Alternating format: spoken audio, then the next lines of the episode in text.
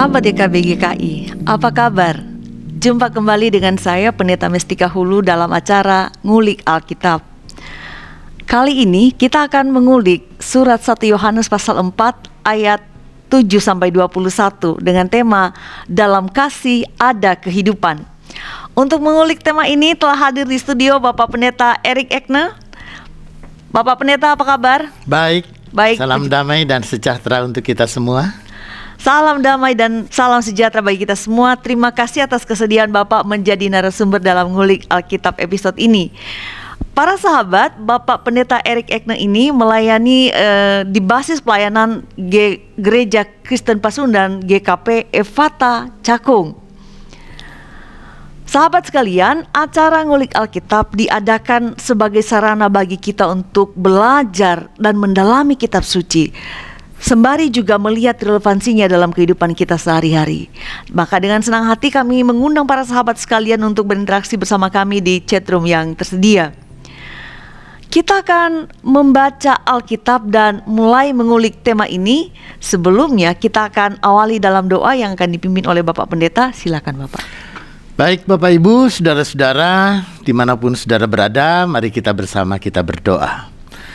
Bapa dalam sorga, dalam kerinduan kami untuk mendengarkan firman-Mu dan merenungkannya, kiranya Tuhan menyerta kami dengan roh-Mu yang kudus, agar kami beroleh kekuatan untuk menjadikan firman itu nyata dalam hidup kami sehari-hari. Kiranya Tuhan juga yang mengurapi hamba-Mu untuk dapat melayankan firman. Biarlah Engkau yang berfirman, kami dengan sungguh mendengarkannya. Amin. Amin. Sahabat sekalian, saya akan bacakan 1 Yohanes pasal 4 ayat 7 sampai 21 dari studio. Lalu para sahabat juga dengan Alkitabnya masing-masing. 1 Yohanes pasal 4 ayat 7 sampai 21 demikian. Saudara-saudaraku yang kekasih, marilah kita saling mengasihi sebab kasih itu berasal dari Allah dan setiap orang yang mengasihi lahir dari Allah dan mengenal Allah. Barang siapa tidak mengasihi, ia tidak mengenal Allah, sebab Allah adalah kasih. Dalam hal inilah kasih Allah dinyatakan di tengah-tengah kita, yaitu bahwa Allah telah mengutus anaknya yang tunggal ke dalam dunia, supaya kita hidup olehnya. Inilah kasih itu, bukan kita yang telah mengasihi Allah, tetapi Allah yang telah mengasihi kita dan yang telah mengutus anaknya sebagai pendamaian bagi dosa-dosa kita. Saudara-saudaraku yang kekasih, jikalau Allah sedemikian mengasihi kita, maka haruslah kita juga saling mengasihi. Tidak ada seorang pun yang pernah melihat Allah. Jika kita saling mengasihi, Allah tetap di dalam kita dan kasihnya sempurna di dalam kita. Demikianlah kita ketahui bahwa kita tetap berada di dalam Allah dan dia di dalam kita. Ia telah mengaruniakan kita mendapat bagian dalam rohnya dan kami telah melihat dan bersaksi bahwa Bapa telah mengutus anak yang menjadi juru selamat dunia. Barang siapa mengakui bahwa Yesus adalah anak Allah, Allah tetap berada di dalam dia dan dia di dalam Allah. Kita telah mengenal dan telah percaya akan kasih Allah kepada kita. Allah adalah kasih dan barang siapa tetap berada di dalam kasih, ia tetap berada di dalam Allah dan Allah di dalam dia. Dalam hal inilah kasih Allah sempurna di dalam kita, yaitu kalau kita mempunyai keberanian percaya pada hari penghakiman, karena sama seperti Dia, kita juga ada di dalam dunia ini. Di dalam kasih tidak ada ketakutan. Kasih yang sempurna melenyapkan ketakutan, sebab ketakutan mengandung hukuman, dan barang siapa takut, ia tidak sempurna di dalam kasih. Kita mengasihi karena Allah telah lebih dulu mengasihi kita. Jikalau seorang berkata, Aku mengasihi Allah dan ia membenci saudaranya, maka ia adalah pendusta. Karena barang siapa tidak mengasihi saudaranya yang dilihatnya, tidak mungkin mengasihi Allah yang tidak dilihatnya. Dan perintah ini kita terima dari Dia. Barang siapa mengasihi Allah, ia harus juga mengasihi saudaranya. Demikian uh, bacaan Alkitab kita. Saya langsung ke Pak Pendeta Erik yang menjadi narasumber kita. Bapak, tema kita adalah dalam kasih ada kehidupan. Ini sebuah berita yang sangat menggembirakan bagi saya demikian. Ada dua hal yang saya lihat Pak dari tema ini. Kasih dan kehidupan. Para sahabat juga barangkali tadi menyimak begitu atau memperhatikan tema ini. Kata kasih adalah kata yang sangat akrab dengan kita, orang Kristen, sehari-hari. Kita ucapkan atau kita dengarkan.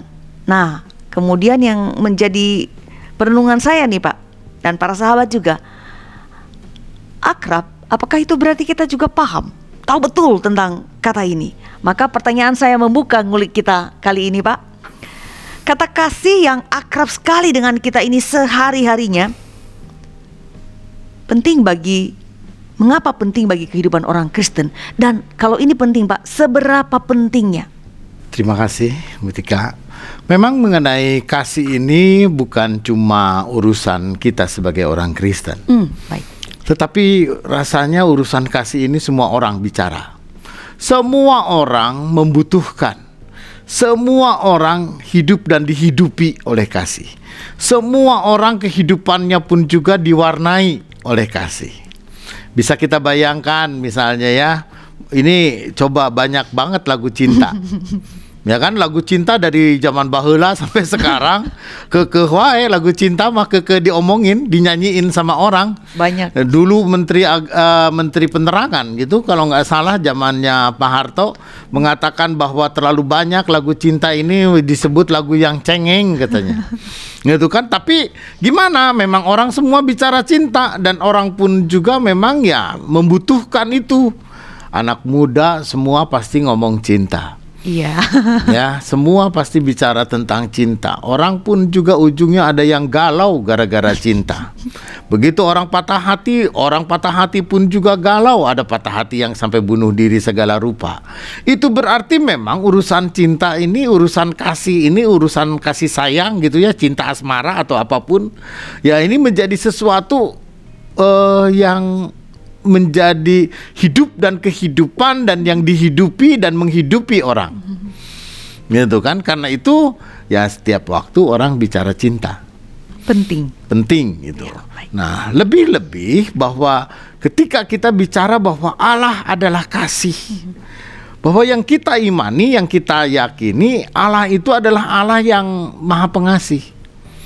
Nah, kalaupun juga kita mau bicara tentang Allah atau apa pun juga, maka di dalam kehidupan orang Sunda nih, gitu Allah itu suka diumpamakan dengan air. Mm-hmm. Ya kan, air itu bagi orang Barat, orang Barat mengatakan water. Yep. Orang Sunda membilang cai katanya. orang Batak aek, orang Jawa banyu, gitu kan. Uh, lalu kemudian orang kita ngomongnya ya air. Gitu apa bedanya? Mau air, mau water, mau cai, mau banyu, mau aek ya itu juga. Sama. Gitu ya. Itu juga sama kalau di unsur kimianya mah H2O atau gitu ya. Nah, mau disebut apa pun juga.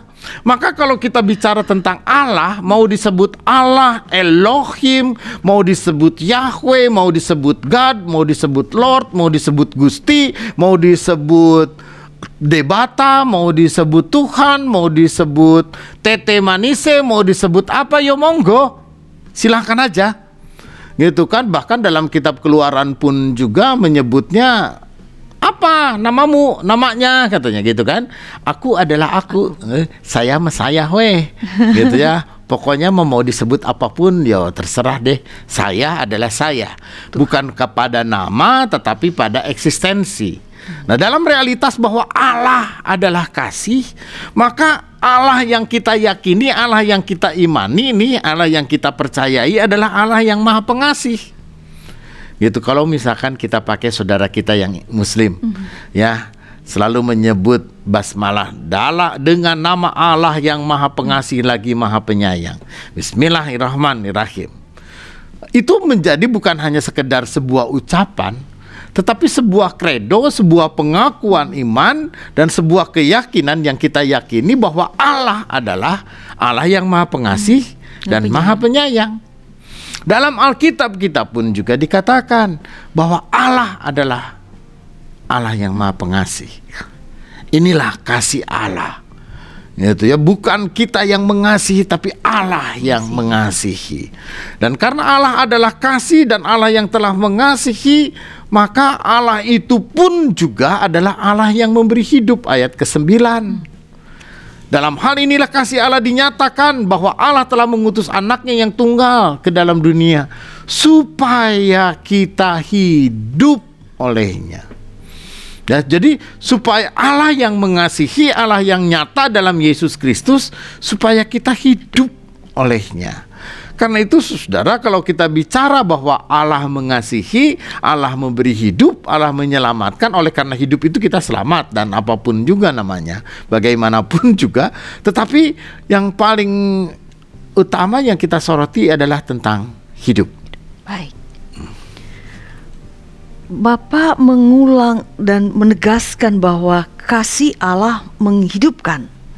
Dan saya menangkap juga bahwa eh, tadi Bapak mengutip yang ayat 9 itu bahwa kasih Allah itu hadir di tengah-tengah dunia ini. Eh, saya tangkap bahwa kasih itu tidak sekadar kata-kata atau dalam artian tidak abstrak, tetapi dia memiliki wujud dan wujudnya itu dalam tindakan. Tindakan Allah pada kita memberikan anak tunggalnya itu menyatakan bahwa bagaimana konkret konkretnya uh, kasih itu. Nah, tadi saya katakan di awal Pak bahwa kasih ini akan dengan kita bahwa kemudian juga Bapak menjelaskan kasih ini kasih dari Allah menghidupkan kita itu sebuah statement yang yang sangat tegas kita hidup karena kasih Allah. Nah, Bagaimana supaya ini dapat dipahami secara baik oleh para sahabat DKW bahwa kasih Allah itu memang menghidupkan? Ya, betul Ibu. Jadi bahwa kasih itu ada wujudnya. Hmm. Jadi kalau kasih tidak berwujud namanya gombal. ya, kalau kasih tidak berwujud namanya ah omong kosong. Gitu ya. Kalau kasih pun juga kan ada lagu rohani. Kalau kau benar-benar sayang padaku, kalau kau benar-benar cinta Ya toh, tak perlu kau katakan semua itu tapi nyatanya kayak apa. Hmm, hmm. Gitu loh. Gitu. Jadi uh, firman Tuhan itu ketika Allah adalah kasih, hmm, wujudnya kayak gimana? Gitu. Maka ia mengaruniakan anaknya yang tunggal. Itu dulu ya. buktinya. Lalu mengaruniakan anaknya yang tunggal supaya apa? Supaya kita hidup. Ya Allah telah mengutus anaknya yang tunggal ke dalam dunia supaya kita hidup. Hmm. Kita supaya untuk apa Allah datang wae ke dalam dunia untuk mewujudkan diri cuma iseng-iseng apa? Enggak lah. Ya supaya memang dengan sungguh-sungguh dia memberi hidup. Nah, apa artinya bahwa Allah itu hidup dan kasih itu menghidupi? Gitu ya, kasih itu menghidupi dan kasih itu memberi hidup. Coba kita bayangkan. Gitu kan, betapa mungkin kalau kita saya mengatakan bayi manusia ini adalah bayi yang paling lemah di dunia ini. Coba kita lihat, coba kita perhatikan saudara-saudara, misalnya gajah. ya gajah itu yang gede. Gitu ketika lahir ke dalam dunia brojol gubrak. Eta teh 350 kilo atuh. Beratnya 350 kilo, tapi saudara-saudara bisa bayangin. Itu gajah yang gede segede gitu. Gitu kan nggak lama berapa menit gitu. Dia langsung bisa berjalan. Atau jerapah tuh yang lehernya panjang gitu kan wah harusnya mah berat sama lehernya tuh begitu brojol lalu kemudian dia berusaha untuk berjalan dia berdiri nggak lama langsung jalan tapi coba bayi manusia nah kan bayi manusia untuk bisa jalan itu wow setahun ya. lalu apa sih yang bisa dilakukan sama bayi manusia ketika dia lahir hanya nangis, nangis. Nggak ada yang bisa dilakukan kalah sama bayi ayam. Ayam mah begitu menetas langsung lari cari makan sendiri. Gitu kan. Sekarang bayi manusia seperti apa? Nggak bisa. Iya. Nggak bisa apa-apa. Gitu. Maka apa yang dibutuhkan oleh bayi manusia? Hidup adalah anugerah Tuhan. Betul? Betul. Hidup adalah sebuah pemberian. Hidup itu adalah anugerah Tuhan yang terindah. Tetapi selebihnya bayi kecil itu sangat membutuhkan cinta kasih. Tanpa kasih mati dia. Mungkin Bapak Ibu, Saudara pemirsa di rumah pernah mendengar berita atau foto atau apa pun juga ketika ada bayi lahir langsung dibuang ke tempat sampah. Atau bayi lahir langsung dimasukkan ke got tuh mati tuh. Atau mungkin bayi itu pun juga maaf sejak dalam kandungan ibunya mengatakan gugurkan saja Berapa bayi yang kemudian hanya baru janin lalu kemudian sudah digugurkan. Bayi-bayi yang mati itu adalah bayi tanpa cinta kasih. Tanpa kasih bayi itu mati. Tanpa kasih kita pun juga sudah mati.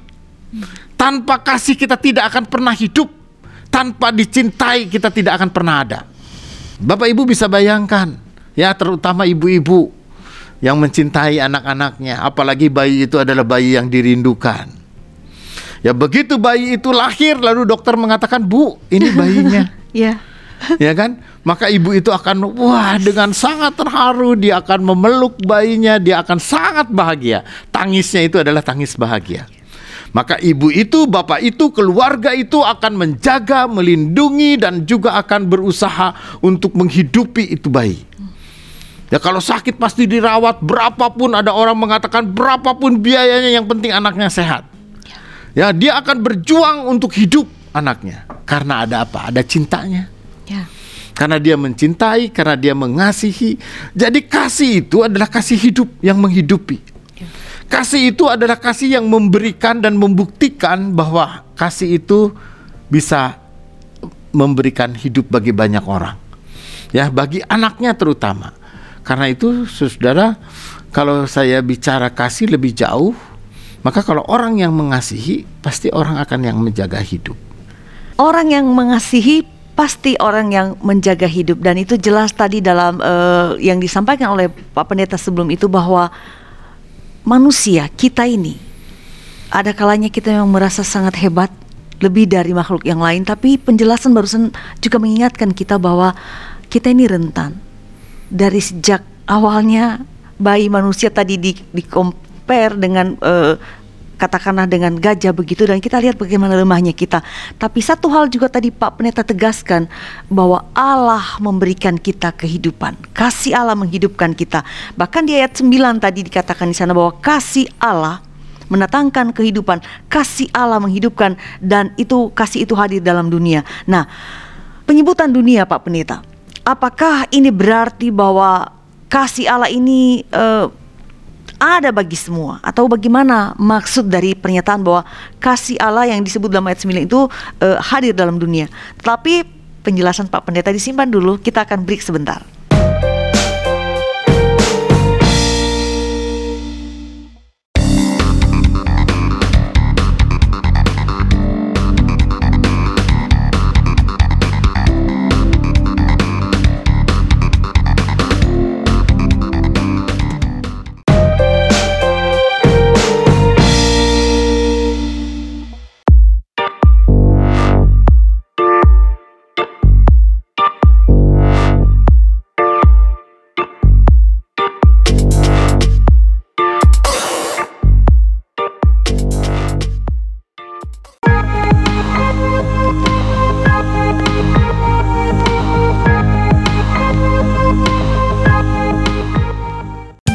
Sahabat, mari dukung pelayanan dan pekabaran Injil melalui YKB dengan membagikan link acara ini kepada sebanyak mungkin orang. Dukungan juga dapat saudara lakukan dengan mentransfer dukungan finansial ke rekening BCA ke nomor 450 305 2990 450 305 2990 atas nama Yayasan Komunikasi Bersama.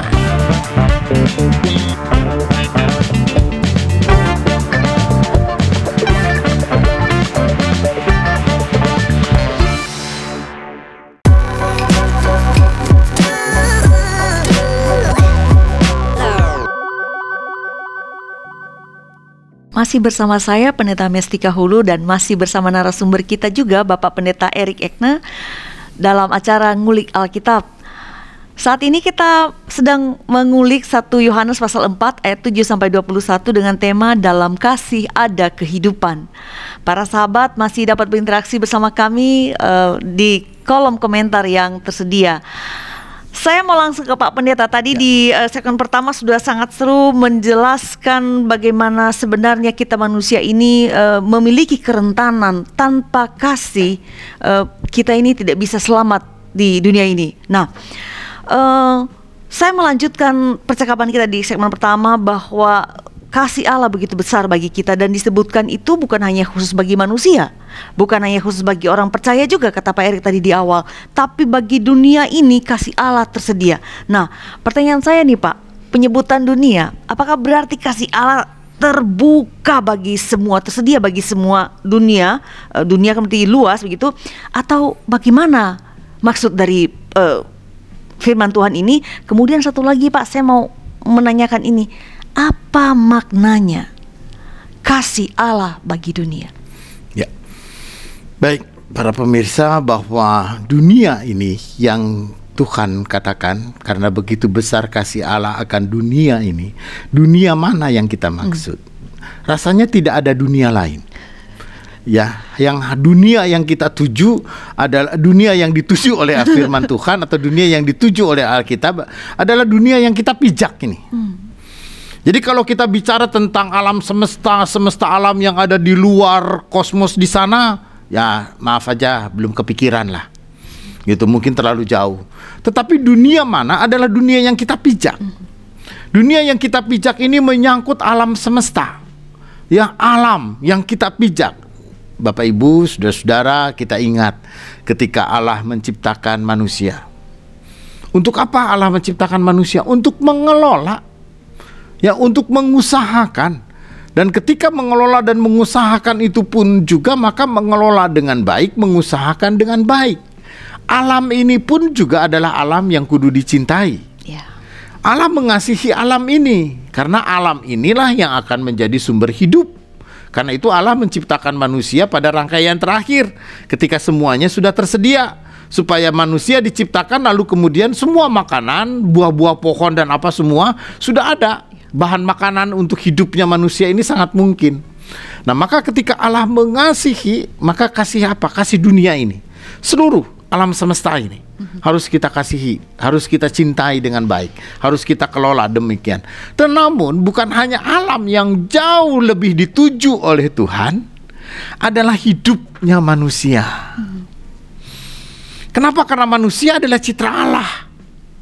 Nah, karena itu dunia ini gitu kan harus kemudian hidup di dalam realitas cintanya Allah gitu ya karena itu dalam doa Bapa kami kita selalu mengharap jadilah kehendakmu di, di bumi, seperti, seperti di, surga. di surga. Jadi kalau kita bicara tentang surga terlalu jauh lah. Dunia dulu aja ya. Nah, dunia aja dulu. Gitu ya artinya uh, jadilah kehendakmu di bumi seperti di surga. Di surga. Nah, pertanyaannya, mungkinkah kita bisa menikmati kehidupan surgawi di bumi ini? Mungkinkah kita bisa merasakan kehidupan yang kalau di surga itu tidak ada pergumulan, persoalan? Mungkinkah dalam dunia kita ini pun juga tidak ada persoalan? Kalau dunia eh, di surga itu orang hidup dalam kebahagiaan, sukacita dan damai, tidak ada permusuhan, hmm. tidak ada kejahatan, tidak ada dendam, tidak ada marah. Maka mungkinkah dalam dunia ini kita pun juga hidup tanpa marah, tanpa dendam, tanpa permusuhan, kita hidup damai satu dengan yang lain, hidup rukun. Mungkinkah? Itu kan pertanyaan. Ya gitu. Maka ketika kita mengatakan, oh iya, gitu Tuhan mengatakan kasihi Tuhan Allahmu, kasihi sesamamu manusia. Maka di dalam kasih inilah maka orang akan hidup paling tidak menikmati kehidupan surgawinya lah. Ya. Saya mau tanya kepada Bapak Ibu dan saudara-saudara para pemirsa semua di mana pun saudara berada. Saya yakin di antara Bapak Ibu dan mungkin saudara-saudara pernah jatuh cinta apa rasanya? Kalau kata lagu berjuta rasanya, Pak. Hai. gitu. Ya kalau orang sedang falling in love, apa rasanya? Benar-benar jatuh cinta. Benar-benar loh, ya dia sedang kasmaran gitu Iya kan? Wah, itu mah eh amboy rasanya. gitu. Wow. Semuanya indah. Semuanya indah. Orang akan merasa berjalan bukit berbunga, semuanya jalannya di bukit berbunga ya. Semuanya indah, semuanya sukacita, semuanya membahagiakan. Kasih. Jangan mikir dulu tentang eh, agape, filos atau eros, jangan mikir dulu deh. Tetapi yang jelas ketika orang mencintai dan ketika orang jatuh cinta, ketika orang dicintai, maka yang ada adalah bahagia dan sukacita. Ya. Gitu kan? Ada orang mengatakan surgaku adalah rumahku. Ru eh sorry, rumahku Kau adalah surgaku. surgaku. Maaf ya kebalik. gitu. Bapak Ibu bisa bayangkan.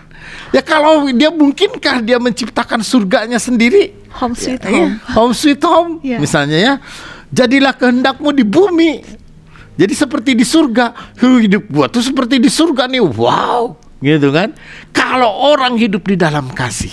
Dan semua orang ingin seperti itu, Pak. Semua orang ingin. Dan orang kalau orang hidup di dalam kasih, maka kasih itu bukan hanya sekedar menghidupi. Maka bagaimana supaya kasih ini pun hidup kita ini seperti di surga? Karena itu saudara kasih itu harus menjadi tatanan hidup dunia. Gitu kan? Kenapa hidupnya Tuhan itu me- pokok pengajaran Tuhan itu kasih Tuhan Allahmu dan kasih sesamamu manusia seperti dirimu sendiri. Gitu. Kenapa? Saudara bisa bayangkan ya bagaimana hukum Tuhan bukan cuma hukum tapi apa yang Tuhan mau ajarkan dan nyatakan di dalam Injil Matius pasal 5 tentang khotbah di bukit. Ya ketika kamu mendengar misalnya ya saya bacakan nih ayat. Eh mungkin Ibu bisa bacakan Dari eh, mana, Matius 5 ayat 21 Baik, saya bacakan. Matius 5 ayat 21 em, para sahabat juga nanti bisa em, melihat pada Alkitabnya atau sementara melihat. Injil Matius pasal 5 ayat 21 kamu telah mendengar yang difirmankan kepada nenek moyang kita. Jangan membunuh. Siapa yang membunuh harus dihukum. Hmm. Ya jangan membunuh. Siapa yang membunuh Harus dihukum. harus dihukum. Jadi kata harus dihukum. Begitu. Ya, lalu kemudian orang harus menerima ganjaran. Ya. Orang harus menerima balasan. Orang pun juga harus menerima akibat. Membunuh maka harus Hmm. Dihukum. dibunuh. Ya. Gitu. Tetapi apa yang Tuhan Yesus katakan? Tuhan Yesus katakan jangankan membunuh. Marah pun gitu ya. Ayat 22. Tapi aku berkata kepadamu setiap orang yang marah terhadap saudaranya dan siapa yang berbicara kepada saudaranya kafir, Kafir. harus dihadapkan ke mahkamah agama. Jadi sebelum orang melakukan, jadi ada orang sebelum orang membunuh, sebelum apa seperti Kain dan Habil kan, gitu. Iri karena iri hati ada rasa dulu iri hati dan apa, lalu cemburu dan apa, lalu kemudian dia membunuh adiknya. Karena itu sebelum orang melakukan membunuh dan apa ada marah dulu. Tetapi apa yang Tuhan Yesus katakan setiap orang yang marah terhadap saudaranya. Jadi sebelum orang melakukan membunuh. Nah, bagaimana orang marah apa enggak? Bagaimana orang pun juga sekarang marah-marah itu dengan cara yang baik. Gitu ya. Marah pun juga dilandasi oleh kasih, bukan marah membabi buta, udah babi buta lagi. Kita bisa bayangkan gitu kan marahnya seperti apa. nyeruduk. Nah, gitu. Tetapi orang harus harus ya marah itu sama seperti Yesus, Tuhan Yesus, marah itu ada tujuannya. Gitu kan? Marah itu di dalam konteks kasih. Lalu Saudara, apa yang Tuhan Yesus katakan? Matius 5 ayat 38. Mungkin Ibu bisa bantu saya juga.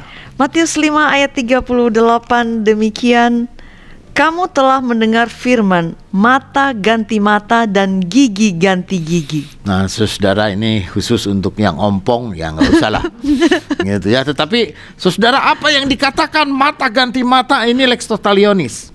Jadi apa yang dilakukan oleh orang, orang harus kemudian dibalaskan kepadanya. Tetapi apa yang Tuhan Yesus katakan?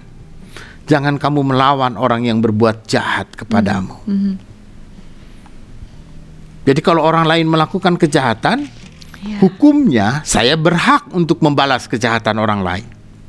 Kalau orang lain pun juga melakukan sesuatu yang tidak baik kepada saya, maka saya pun juga berhak untuk melakukan Pembalasan. tindakan yang serupa. Tapi Tuhan Yesus katakan tidak. Tuhan Yesus katakan jangan kamu melawan orang yang berbuat jahat. Siapa pun yang menampar pipi kananmu, berikanlah juga pipi kirimu. Apa artinya, saudara?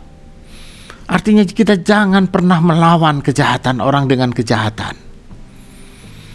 Jadi kita jangan melakukan sesuatu tetapi dengan kasih, dengan cintanya kita mengalah. Mengalah untuk menang. Kita bisa bayangkan kalau orang marah kita lawan dengan marah, dendam kita lawan dengan dendam, memukul dengan lawan kita dengan memukul lebih keras, dia melawan lagi dengan lebih keras, maka pukulan-pukulan itu akan menjadi sebuah perkelahian dan ujungnya orang akan saling membunuh. Iya. Gitu. Tapi Tuhan Yesus katakan tidak. Jangan membalas kejahatan itu. Saudara harus menjadi tatanan dunia baru. Ketika kasih itu harus menjadi sebuah dasar kehidupan yang baru. Coba Matius 5 ayat 43. Matius 5 ayat 43, kamu telah mendengar firman, kasihilah sesamamu manusia dan bencilah musuhmu. Oke. Mengasihi sesama biasanya kita pahami saudara. Mengasihi sesama biasanya kita yang segolongan. Mengasihi sesama biasanya kita yang sama-sama satu tujuan, satu sekte, satu suku, satu ras, satu agama misalnya. Mengasihi itu hanya untuk kalangan-kalangan tertentu saja. Lalu selebihnya beda aja orang bisa menganggap musuh loh. Beda aliran aja orang bisa menganggap musuh loh. Itu kan beda sekte ataupun juga beda mazhab aja orang bisa menganggap musuh loh. Mengkafir-kafirkan orang kan itu dunia kita sekarang. Tapi apa yang Tuhan Yesus katakan? Kasihilah musuhmu. Kalau tadi mengasihi orang yang membenci, mengasihi orang yang berbuat jahat, jangan dibalas dengan kejahatan. Sekarang Tuhan Yesus katakan kasihi musuhmu. Huh, itu mah musuh mah harusnya dikalahkan atuh. Musuh mah harusnya mah diinjak aja, diwek-wek gitu. Mestinya memusuh mah tuh di apa namanya gitu kan. Tapi Tuhan Yesus katakan kasihi musuhmu dan berdoalah bagi mereka yang menganiaya kamu. Saudara ini menjadi sebuah prinsip hidup yang enggak gampang. Yang mengasihi itu enggak gampang memang. Itu perintah Tuhan kasihi. Tuhan Allahmu kasih sesamamu mengasihi. Nggak gampang ketika kita harus mengasihi musuh yang pernah menyakiti hati kita. Mengasihi musuh orang yang pernah menganiaya orang yang pernah menzolimi kita. Kita cintai dia. Kenapa? Karena kita saudara cinta punya kekuatan. The power of love. Kekuatan untuk apa untuk menundukkan kejahatan. Karena itu cinta itu bukan hanya sekedar menghidupi dan memberikan hidup, tapi kejahatan itu pun juga akan kalah dengan cinta. Saudara, coba kita lihat lagi Matius 20 ayat 25. Matius 20 ayat 25. Tetapi Yesus memanggil mereka lalu berkata, "Kamu tahu bahwa pemerintah-pemerintah bangsa-bangsa memerintah rakyatnya dengan tangan besi, dan pembesar-pembesar menjalankan kuasanya dengan keras atas mereka." Ya, tidaklah demikian di antara kamu. Maka, siapa yang ingin menjadi besar, naklah kamu menjadi pelayan. Ya, saudara, cinta itu bukan kuasa cinta itu bukan kekuatan untuk menekan, untuk memeras, dan bahkan untuk menjajah ataupun juga memaksa orang lain. Saudara, saya cuma membayangkan mungkin Bapak Ibu kalaupun juga ada anak di rumah. Kita minta tolong kepada anak kita, anakku tolong dong bantu mama, bantu-bantu papa cuci piring. Ya kan? Anak itu bisa kita paksa dengan kita marah cuci piring sekarang juga. Awas lo kalau tidak kamu. Dikasih kan biasanya jajan. bahasanya ancaman. Awas lo. Ya kan? Kita bisa memaksa anak kita dengan mengancam atau bahkan mungkin wah amit-amit deh dengan keku- kekerasan gitu kan untuk melakukan supaya anak itu melakukan apa yang kita mau. Tetapi kalau firman Tuhan sekarang Kalau dengan kekerasan pembesar-besar menjalankan dengan kuasa, tapi Tuhan Yesus mengatakan kasih dengan melayani dan menjadi hamba. Maaf kita ini maaf ya. Mungkin Bapak Ibu pernah di YouTube kita bisa melihat ada seekor singa. Itu, seekor singa yang dipelihara sampai menjadi besar lalu dikembalikan ke habitatnya. Setelah sekian tahun berpisah, lalu mereka ini yang memelihara ingin kembali ketemu. Lalu dia pergi ke habitatnya di Afrika dia mencari. Lalu ketika dia ketemu sama harimau itu, itu harimau memeluk, lalu mencium, lalu kemudian dengan sungguh-sungguh tidak menerkam. Bapak Ibu Saudara-saudara para pemirsa bisa bayangkan harimau singa yang binatang buas segede begitu lebih besar dari manusia yang bisa menerkam dengan kekuatannya dan memakan habis kita. Tetapi karena dia dicintai, karena dia pun juga dikasihi, dia dirawat dengan baik, dia pun juga dirawat, dicintai dengan sungguh. Gitu, maka singa itu pun juga menjadi singa yang bersahabat. Menjadi singa yang maaf mau menurut kalau singa sirkus. Iya. Ya, dia mau menjadi singa yang kemudian mengikuti apa yang kita mau. Nah, pemerintah-pemerintah itu memerintah dengan tangan besi dan dengan kuasa. Tapi kita dengan cinta kasih dan melayani. Ketika kita melayani kehidupan melayani maka tatanan kehidupan baru itu itu kan bukan perintah, bukan kuasa, bukan otoriter, bukan otoritas atas ke orang manusia Kasih. Tapi kasih yang melayani. Kasih. Melayani, menyediakan sehingga orang pun juga merespon, oh iya. Sehingga ada respon dan dukungan masyarakat atau dukungan orang pun juga ketika dia merasa bahwa dia dilayani. Dukungannya dengan rela. ya? Dengan rela, dengan suka cita orang pun juga melakukan sesuatu dengan baik. Baik.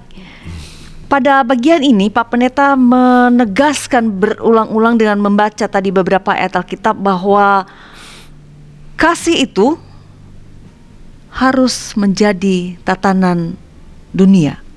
Kasih harus menjadi tatanan kehidupan dunia. Dan kita akan lanjutkan setelah break berikut.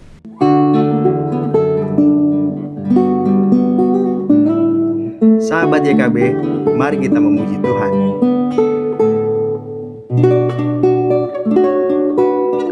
Saya Octavianus akan menemani Anda dua kali dalam sebulan setiap hari Kamis setelah program Pernikahan Bahagia. Dengan instrumen gitar, saya akan memainkan lagu-lagu yang pernah kita dengar dalam konsep fingerstyle gitar.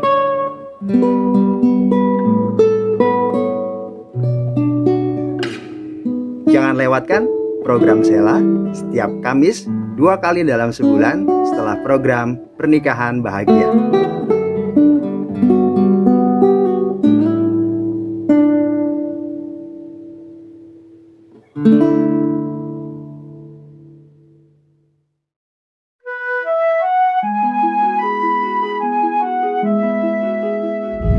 Halo sahabat YKB, kami akan menyapa Anda dalam program berbahasa daerah yang bertajuk Umpama Tanah Pena atau Penyejuk Hati bersama saya Rismawati Palute.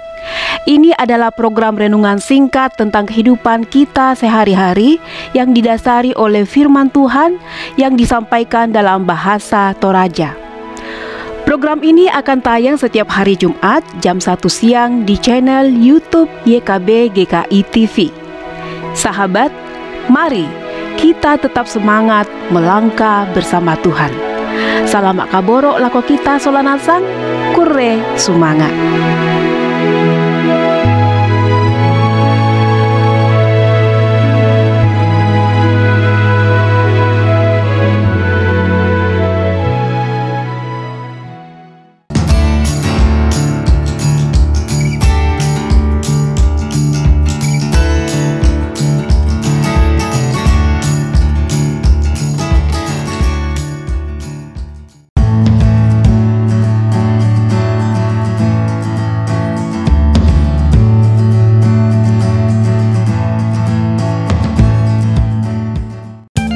Sahabat, mari dukung pelayanan dan pekabaran Injil melalui YKB dengan membagikan link acara ini kepada sebanyak mungkin orang.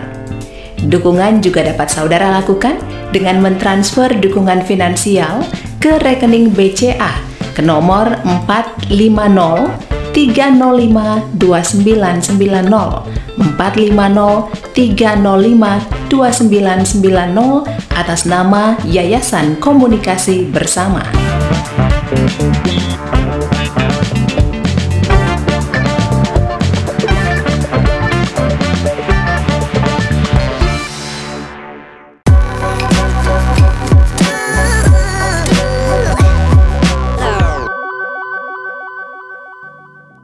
Masih bersama saya Pendeta Mestika Hulu dan masih bersama narasumber kita Bapak Pendeta Erik Ekne dalam acara Ngulik Alkitab.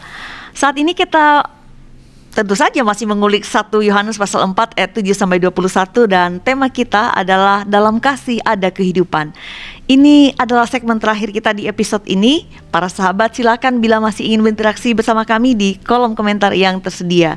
Saya mau langsung eh, kembali ke Pak Pendeta. Tadi di segmen kedua eh, Pak Pendeta sudah menjelaskan bahwa akan ada perubahan ketika kasih menjadi tatanan kehidupan. Jadi tadi Pak Pendeta mengatakan kasih harus menjadi penegasannya, kasih harus menjadi tatanan kehidupan dunia. Nah, dalam penjelasan itu saya bisa memahami bahwa kalau kasih menjadi tatanan kehidupan dunia itu sangat powerful. Banyak yang diubah. Kebencian dihadapi dengan kebencian itu menjadikan kebencian akan terus berlarut begitu. Tapi ketika dihadapi dengan kasih akan ada perubahan. Lalu Pak, saya membayangkan nih bahwa kita semua berharap bahwa dunia ini ya memang uh, ketika kasih menjadi tatanannya yang yang me, me, me, me, apa menjadi yang dikedepankan dalam kehidupan ini. Dan bukan hanya harapan saya berharap para sahabat juga bukan hanya sekedar harapan tapi kita semua masing-masing kita mau berusaha menjadikan kasih menjadi tatanan kehidupan kita sehingga menjadi tatanan kehidupan dunia. Pertanyaan saya nih Pak. Kalau kasih menjadi tatanan kehidupan dunia apa yang akan terjadi? Baik, uh, Ibu dan juga pemirsa, apa sih yang kita mau tuju dalam hidup kita di dunia ini? Dan apa juga yang mau kemudian dunia ini mengarah ke mana? Mm -hmm. Kalau kemudian kita pun juga tidak bicara kasih, maka yang ada adalah kita saling menghancurkan. Mm -hmm. Ada banyak cerita sejarah kita masa lalu kita pun juga meskipun Tuhan sudah banyak bicara tentang cinta kasih Ya sejak awal pun juga Yesus lahir dan hadir dalam dunia ada banyak kita bicara tentang kasih. Tetapi ketika tidak ada cerita kasih maka yang ada adalah pembunuhan. Pembinasaan, perusakan alam semesta ataupun juga alam tempat kita hidup. Dan kemudian kita pun juga kemudian satu dengan yang lain saling menguasai dan saling menekan dan saling menghisap. Apakah itu yang kita tuju? Mungkin bagi sebagian orang orang akan puas dan senang, tetapi bagi orang lain karena hidup itu kan kesenangan bukan hanya milik saya, milik orang lain juga. Tapi kesenangan pun juga jangan cuma orang lain yang senang, kita juga sama-sama dalam hidup. Karena itu ketika kita saling mengasihi, kasih sesama karena begitu besar Allah mengasihi dan kita hidup karena Allah yang maha kasih itu mengharuskan umatnya juga hidup dalam kasih. Karena Allah maha kasih maka umat pun juga harusnya hidup di dalam saling mengasihi. Dan dengan saling mengasihi inilah maka kalau kita saling mengasihi tidak akan ada kemarahan, dendam dan pembunuhan. Kalau kita saling mengasihi tidak akan ada permusuhan dan kebencian. Kalau kita hidup dengan saling mengasihi, kita tidak mungkin ada kemudian peperangan yang di mana orang kemudian saling menghancurkan. Kalau kita saling mengasihi, maka kita akan belajar saling menghormati, saling menghargai realitas kehidupan manusia sebagai sesamanya. Kita akan belajar untuk menghargai manusia kita dalam realitas kedirian kita menjadi kesesamaan. Sehingga kalau kita saling mengasihi, saling mengasihi itu mengandaikan saudara. Itu kan kalau kita bicara kata shalom, orang atau salam, Assalamualaikum warahmatullahi wabarakatuh. Saya membawa sukacita dan damai sejahtera bagi saudara-saudara dan berkat Allah bagi kalian semua. Itu itu terjemahan bebas saya. Ya. Tetapi kalau kita mengatakan shalom, hevenu shalom alaikum, itu sama, hampir serupa. Itu saya mau membawa shalom itu kata damai bukan hanya bukan hanya salam menurut saya. Tapi shalom ini adalah tujuan hidup kita semua. Silahkan Bapak Ibu merenung, saudara pemirsa di rumah di mana pun, silahkan kita renungi. Apa sih yang menjadi tujuan hidup kita? Kayak kalau nggak damai, habis kekayaan kita. Sukacita, bagaimana kita bisa hanya psikopat orang yang merasa bahagia dengan menyiksa orang lain.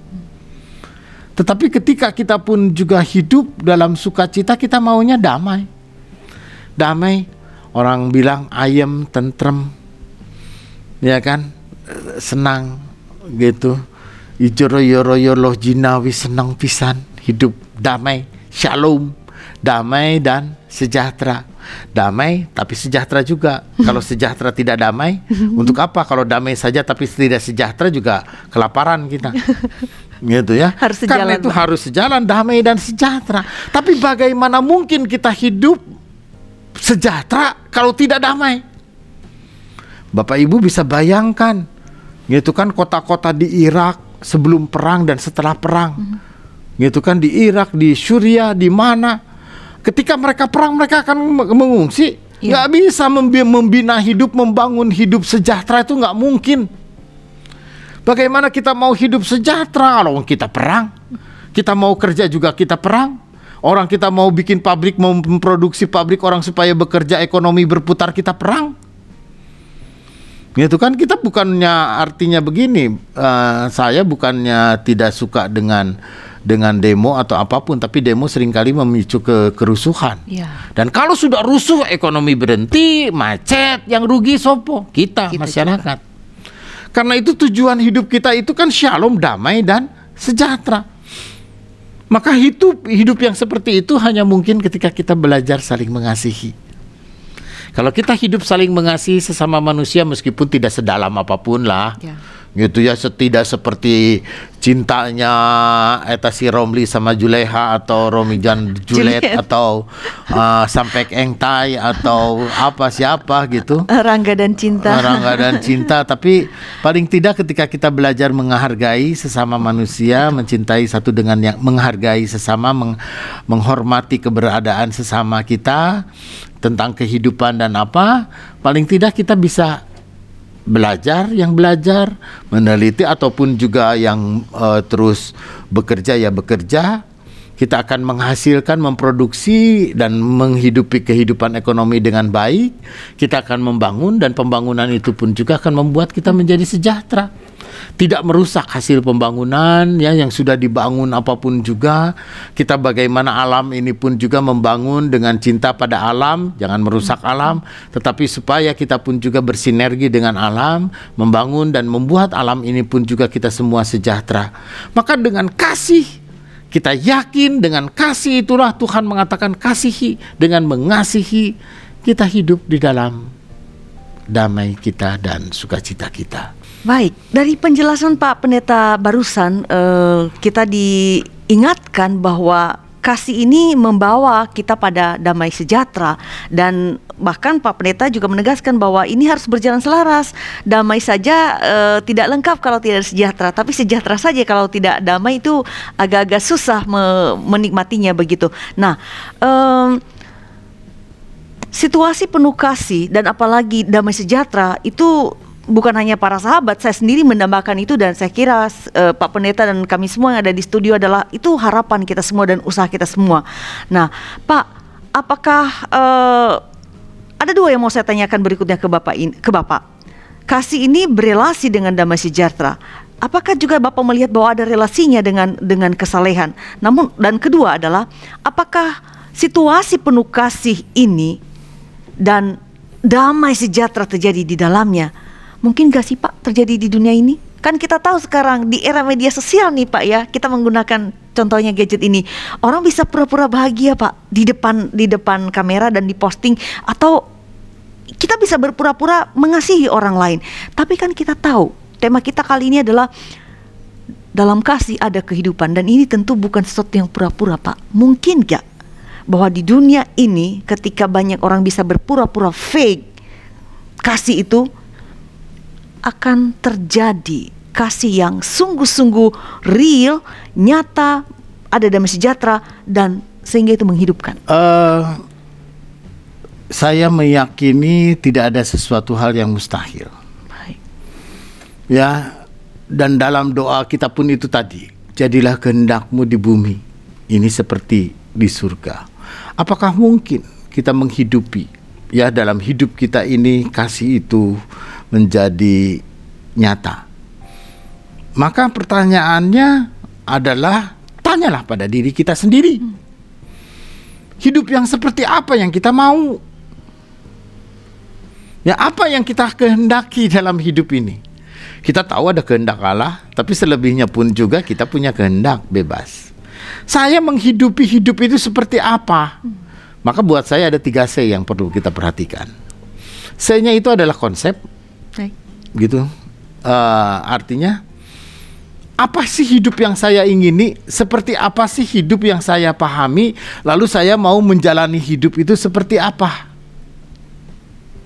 Dengan keluarga, dengan orang di rumah, dengan siapa?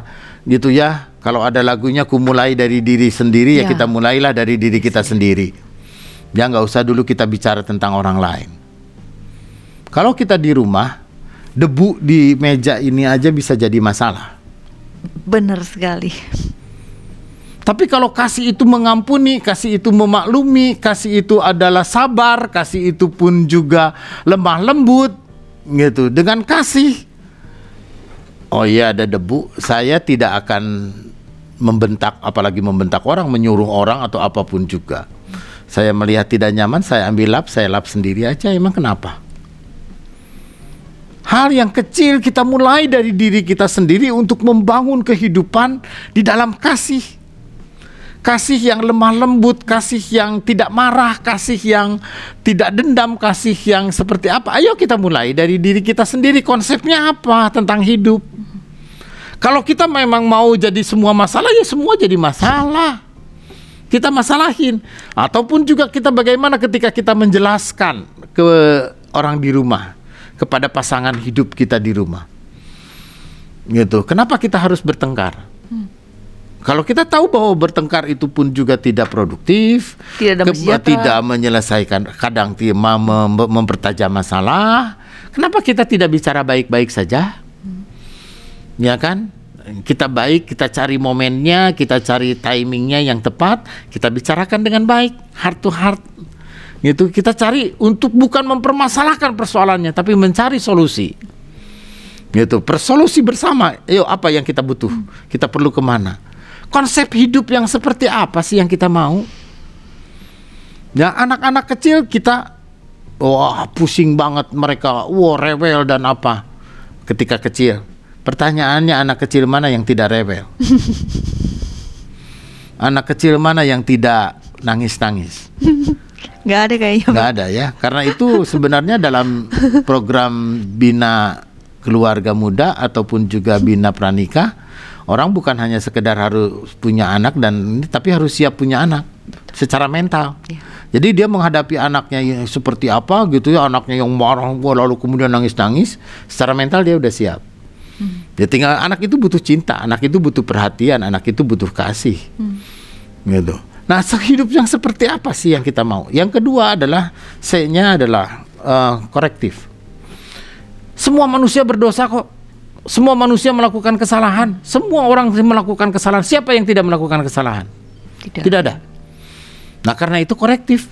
Oke lah kalau salah, ah, ah, nggak apa-apa. Oke lah, kalaupun juga ia berdosa tinggal minta maaf. Tapi korektifnya yang penting bagaimana dia memperbaiki diri. Gitu dan yang ketiga itu adalah konten. Konten itu apa? Hidup yang seperti apa? Kalau kita mau sukacita bahagianya seperti itu, eh yo lakukan dong. Kalau kita sukacita bahagia, wah di rumah canda, ya ketawa bersama-sama gitu, ya lakukan.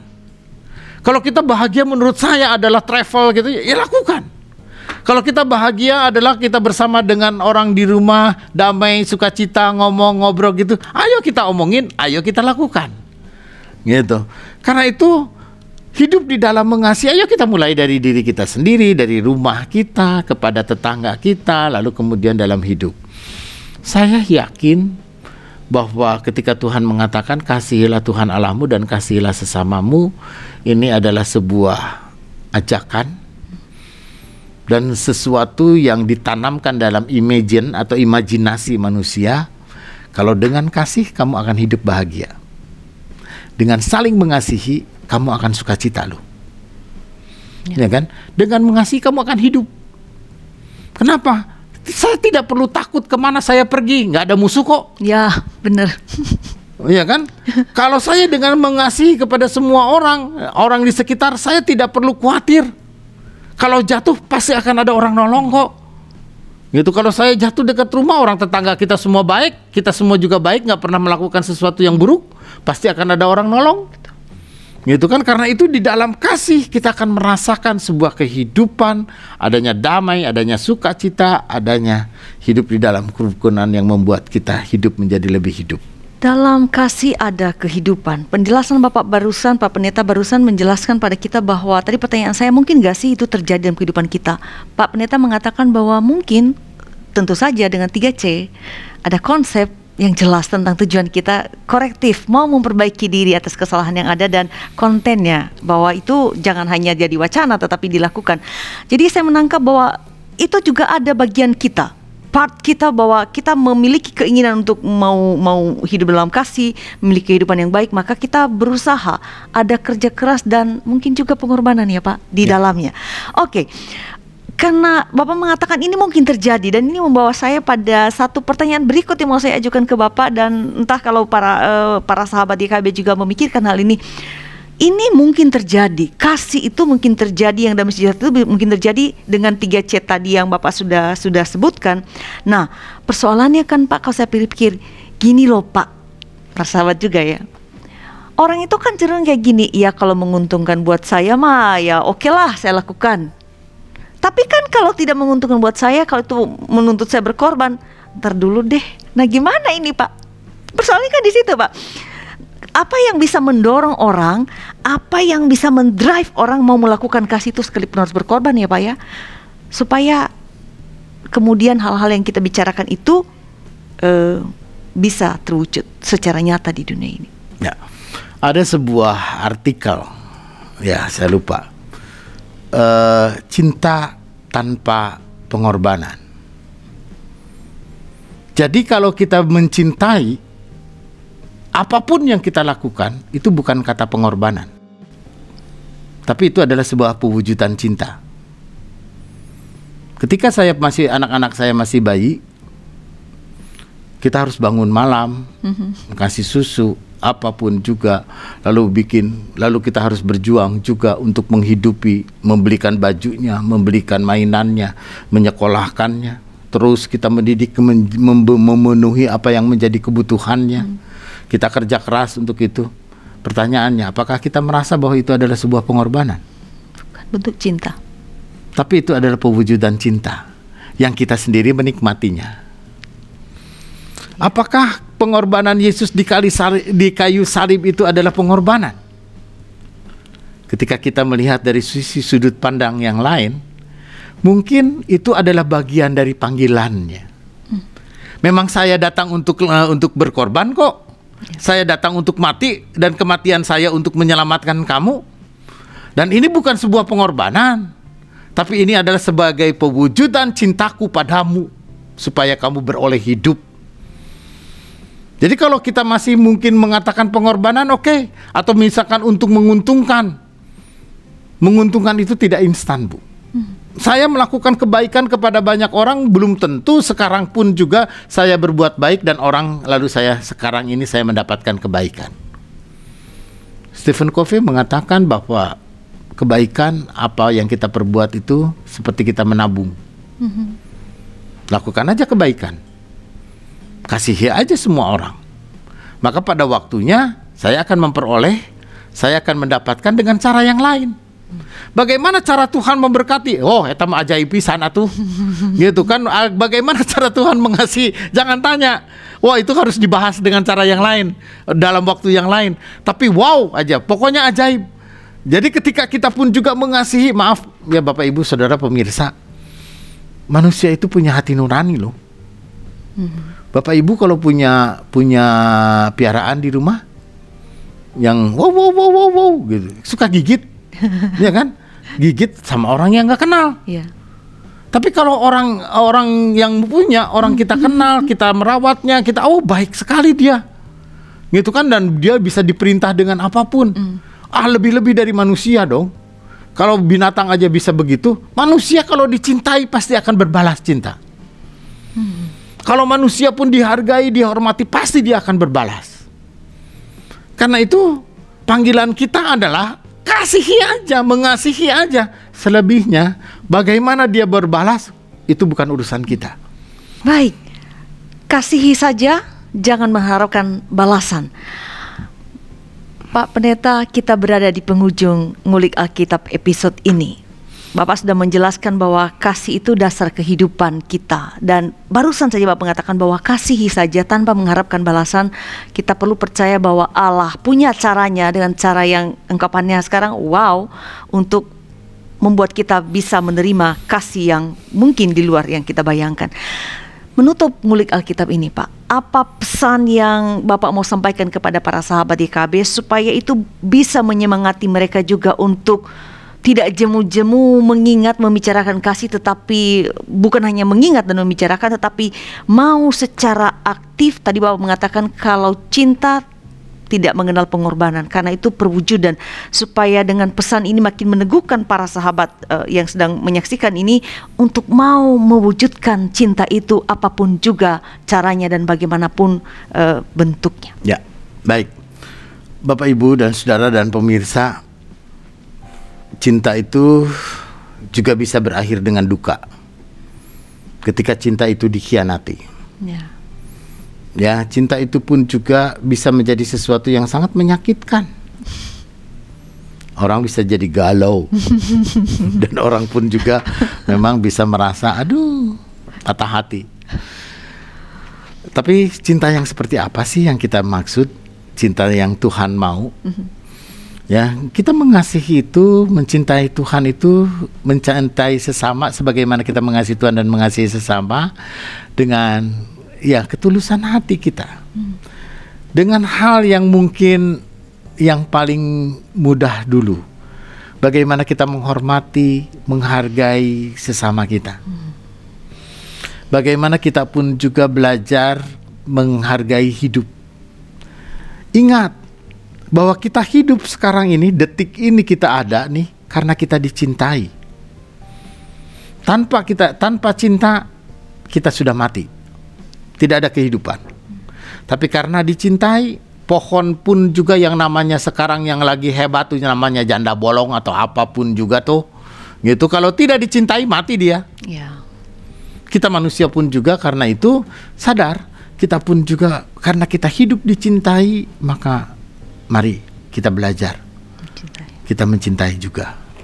Dan ingat, saudara, dengan mencintai itu akan ada damai dan sejahtera. Ya, dengan mencintai itu memungkinkan kita tidak ada permusuhan, tidak ada peperangan, tidak ada kebencian, tidak ada dendam, tidak ada sesuatu yang merusak dan perusakan. Dengan mengasihi kita akan hidup di dalam damai dan sejahtera kita. Dan dengan mengasihi, kita pun juga akan bersuka cita di dalamnya. Siapa orang yang tidak berbahagia ketika dia dicintai? Karena itu saudara, kalau kita memang punya konsep hidup di mana kita menginginkan ada sukacita, kebahagiaan dan apa yang kita konsepkan tentang hidup, maka marilah kita bersama-sama menjalani hidup kalaupun juga ada ada kesalahan itu namanya korektif ya kita lakukan dan yang ketiga bagaimana kita mengisi hidup kita dengan sukacita untuk kesukacitaan dan kebahagiaan kita terpuji Tuhan Dalam kasih ada kehidupan. Dan penjelasan demi penjelasan disampaikan oleh Pak Pendeta Erik sungguh bisa membuka wawasan kita bagaimana memang cinta itulah yang membuat kita mengalami kehidupan. Dan karena ya dampaknya dan manfaatnya yang begitu luar biasa bagi kita memberikan kehidupan, maka cinta harus diusahakan terus-menerus. Pak Pendeta Erik, terima kasih telah menjadi narasumber dalam episode uh, kali ini. Semoga semua yang Bapak sampaikan kita bincangkan pada episode ini menjadi hal yang menggugah dan memberkati para sahabat sekalian, semakin menguatkan mereka juga untuk mencintai kehidupan karena tujuannya demikian dalam kasih ada kehidupan. Jadi sekali lagi terima kasih banyak atas kesediaan Bapak menjadi narasumber. Sahabat IKBGKI dari penjelasan tadi ada beberapa hal yang dapat kita ambil sebagai pembelajaran untuk kita terapkan dalam kehidupan kita. Pertama saya mau ingatkan kembali bahwa kasih adalah dasar kehidupan kita orang yang percaya kepada Tuhan, orang Kristen. Se kalau disebut dasar, kalau itu bangunan, fondasi, maka itu pasti sangat penting. Karena ini penting maka dia harus selalu diusahakan supaya tetap kokoh sehingga dia dapat selalu hadir, tidak akan tergoyahkan seperti itu. Harus dirawat kasih itu dalam kehidupan kita. Kedua, kasih itu bukan sekadar kata-kata, aku mengasihimu. Tetapi kasih itu harus berwujud dalam tindakan. Sebagaimana Allah kasihnya pada kita diwujudkan dengan memberikan anak tunggalnya, maka kita juga bukti kita mengasihi orang-orang sekitar kita, keluarga kita, kita nyatakan juga dalam bentuk uh, kalau itu dengan sesama, kita dalam bentuk saling menghormati, saling bekerja sama, melakukan hal-hal yang dapat mendatangkan kebaikan, damai sejahtera bagi kehidupan bersama di dunia ini. Ya, mungkin dalam beberapa istilah dikatakan ada hal-hal semacam pengorbanan dilakukan untuk mendatangkan, untuk mewujudkan kebaikan itu. Tetapi apa yang disampaikan Pak Pendeta, saya kira juga bisa menjadi catatan bagi kita bahwa ketika kita melakukan kasih, bukan pengorbanan yang sedang kita lakukan, tapi bahwa kita sedang memberikan wujud nyata dari cinta itu. Maka lakukan itu dengan dengan hati yang bersuka cita. Ketiga, saya kira ini penting dan dalam bacaan kita juga tadi e, diingatkan mengasihi apa pun bentuknya itu yang menghadirkan damai sejahtera, kebaikan bagi kehidupan, menghadirkan kehidupan itu sendiri adalah tanda kita mengenal Allah. Dan sekaligus mengasihi adalah tanda bahwa Allah ada di dalam kita. Dan kita ada di dalam Allah. Atau dengan kata lain, mengasihi adalah tanda kita mengenal Allah dan tanda bahwa Allah hadir dalam kehidupan kita. Karena demikian, mari kita mulai detik ini saling mengasihi supaya kehidupan yang sungguh-sungguh diberkati dan damai sejahtera itu boleh kita alami secara personal, keluarga kita alami dan dunia ini boleh merasakannya melalui kesaksian kita. Sahabat sekalian, tuntas sudah perjumpaan kita dalam episode kali ini. Doa saya bahwa Anda semua selalu diberkati dan semakin diberkati khususnya melalui uh, program Ngulik Alkitab ini. Terima kasih atas kebersamaan Anda dan sampai jumpa pada episode yang akan datang. Dukung pelayanan Ngulik Alkitab dengan memberikan like, juga mensubscribe dan membagikannya pada banyak orang agar mereka pun boleh belajar dan bertumbuh seperti kita yang menyaksikan ngulik Alkitab ini. Kita akan akhiri jumpa kita dengan doa penutup yang akan dibawakan oleh Bapak Pendeta Erik. Silakan Bapak. Mari kita kembali bersama kita berdoa. Bapa di sorga, di tengah-tengah dunia kami ini, Engkau menghadirkan kami pada dunia yang tidak ramah, dunia yang penuh juga kejahatan, dunia di mana manusia pun juga satu dengan yang lain ingin menguasai dan memanfaatkan. Ajari Tuhan ketika kami pun juga diminta untuk dan dimohonkan untuk saling mengasihi. Karena kami tahu dengan saling mengasihi kami akan memelihara hidup dan kehidupan. Dan kami pun juga boleh menghidupinya di dalam damai, dalam sukacita dan kebahagiaan yang menjadi harapan semua orang. Inilah hidup kami Tuhan Kiranya Tuhan yang menuntun kami untuk kami pun juga boleh hidup di dalam kasih sebagaimana yang Engkau mau. Inilah penyerahan diri kami di dalam nama Tuhan Yesus. Amin. Amin.